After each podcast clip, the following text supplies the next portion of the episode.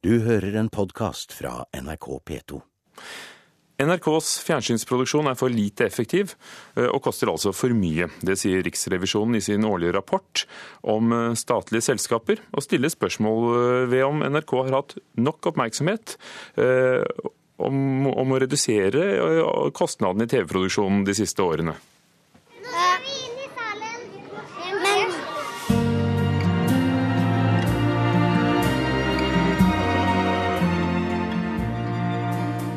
Hvis jeg var en julekonge Førsteklassingene ved Marienlyst skole i Oslo løper inn for å se førvisningen på NRKs nye julekalender Julekongen. Det skjer samme dag som Riksrevisjonen gir NRK kritikk for å lage TV-produksjoner som er for lite effektive og for dyre. Ja, Vi ser jo at produksjonsresultatene for NRK har hatt en dårligere effektivitet i de siste årene enn de hadde i perioden før. Det sier leder for Riksrevisjonen, Jørgen Kosmo. Det eieren må gjøre, sammen med ledelsen i NRK, er å se på om man utnytter de ressursene effektivt nok. Politiet er stadig i gang med den intensive ettersøkning av Robert Søydens Riksrevisjonen har sammenlignet NRK med våre skandinaviske naboer, Sveriges Televisjon og Danmarks Radio. Etter Riksrevisjonens vurdering stilles det spørsmål ved om NRK har hatt tilstrekkelig oppmerksomhet rettet mot å redusere kostnader og øke produktiviteten i TV-produksjonen de siste årene. Man har hatt en betydelig vekst i kringkastingsavgiften. Eh, og man ser at man opprettholder seertallet hos befolkningen, men man opprettholder de krav som stilles som allmennkringkasting. Men det er et behov for å følge nøyere med på effektiviteten. NRKs tolkning av de samme faktaene er annerledes enn Riksrevisjonens, sier kringkastingssjef Hans Tore Bjerkås. Ut fra faktagrunnlaget som rapporten avdekker, så er det jo grunn til å stille spørsmålet. Det er tolkninga av fakta som vi avviker fra Riksrevisjonen på. Det er riktig at vi har økte kostnader per program og per kanal. Det kaller vi for programstrategi. Eh, etter digitaliseringa av bakkenettet så har vi ment at den beste måten å øke den, nye konkurransen på, er å legge mer ressurser i hver kanal og, og, og hvert program. Og Det avspeiles da i det som Riksrevisjonen kalles for lavere produktivitet. Kulturdepartementet får også påpakning av Jørgen Kosmo. Etter Riksrevisjonens vurdering innhenter ikke departementet informasjon på en god nok måte, med tanke på å vurdere hvordan NRKs drift er effektiv. For det første så har vi løpende og god dialog med NRK også om disse spørsmålene. Sier statssekretær i Kulturdepartementet Mina Gerhardsen. Eh, I tillegg så innfører vi fra i år en ny rutine der NRK hvert år skal rapportere til oss på forhold som har betydning for driftseffektiviteten i selskapet og det skal skje i forbindelse med lisensforslaget. Sa Mina Gerhardsen, statssekretær i Kulturdepartementet til reporter Eivind Våge. Henrik Bastiansen, medieforsker ved Høgskolen i Volda. Du har bl.a. Eh, vært en av forfatterne av NRKs historie. Hvor viktig er det at eh, Riksrevisjonen etterprøver NRK på denne måten? Jo, det er jo Riksrevisjonens oppgave å drive etterprøving av eh, de offentlige virksomhetene.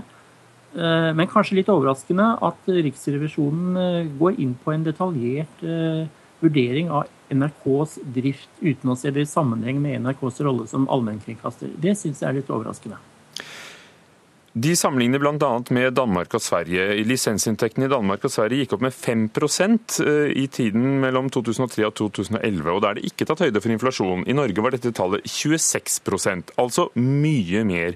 Tyder det på et veldig forskjellig politisk klima overfor allmennkringkasterne i Skandinavia?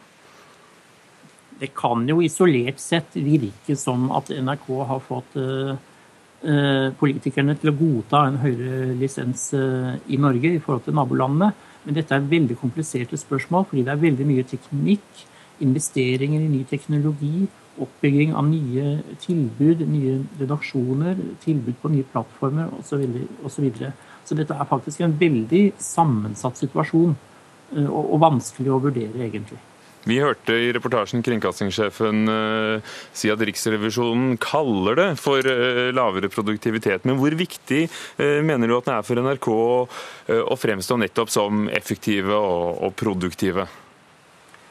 Jo, selvfølgelig så skal jo NRK være det. Hvis det er slik at antallet ansatte øker, og uten at timetallet produsert TV eller radio øker, så kan det jo utenfra se ut som om produktiviteten ikke vokser. ikke sant? Så, så, så NRK jo, må jo på en måte forholde seg til sånne vurderinger. Men det er altså mye mer sammensatt. Nettopp som vi hørte kringkastingssjefen sa, at man investerer i teknologi, i nye redaksjoner, i nye, nye tilbud.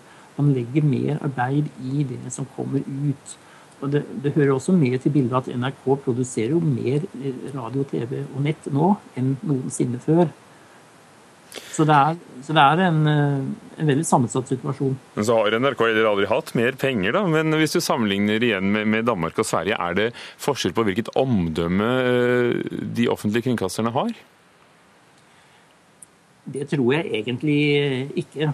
Altså, allmennkringkasterne i Norden de står generelt sett veldig sterkt. Alle sammen, både finske Yle, Sveriges Radio, Danmarks Radio og NRK, har overlevd innføringen av uh, konkurrerende radio- og TV-kanaler på 80- og, og 90-tallet. Uh, eh, innføringen av kommersielle radio- og TV-kanaler og utenlandske kanaler via satellitter og kabel det har faktisk bidratt til å styrke deres posisjon i dag så ser man på en måte verdien av å ha, ha disse allmennkringkasterne som eh, kontrast til eh, alt de får fra andre land og via kabel og, og, satellitt. Så konkurransen har på en måte styrket disse institusjonene, i hvert fall rent generelt. Men de utfordres av ny teknologi, av internett og av mobiltelefon og av raske endringer i publikums medievaner. Men hva med av politikerne? Hvilket politisk press står NRK under, slik du ser det utenfra, Henrik Bastiansen? Ja, det er jo, eh, det er jo dette med at eh, generalforsamlingen i NRK, det er altså statsråden i Kulturdepartementet.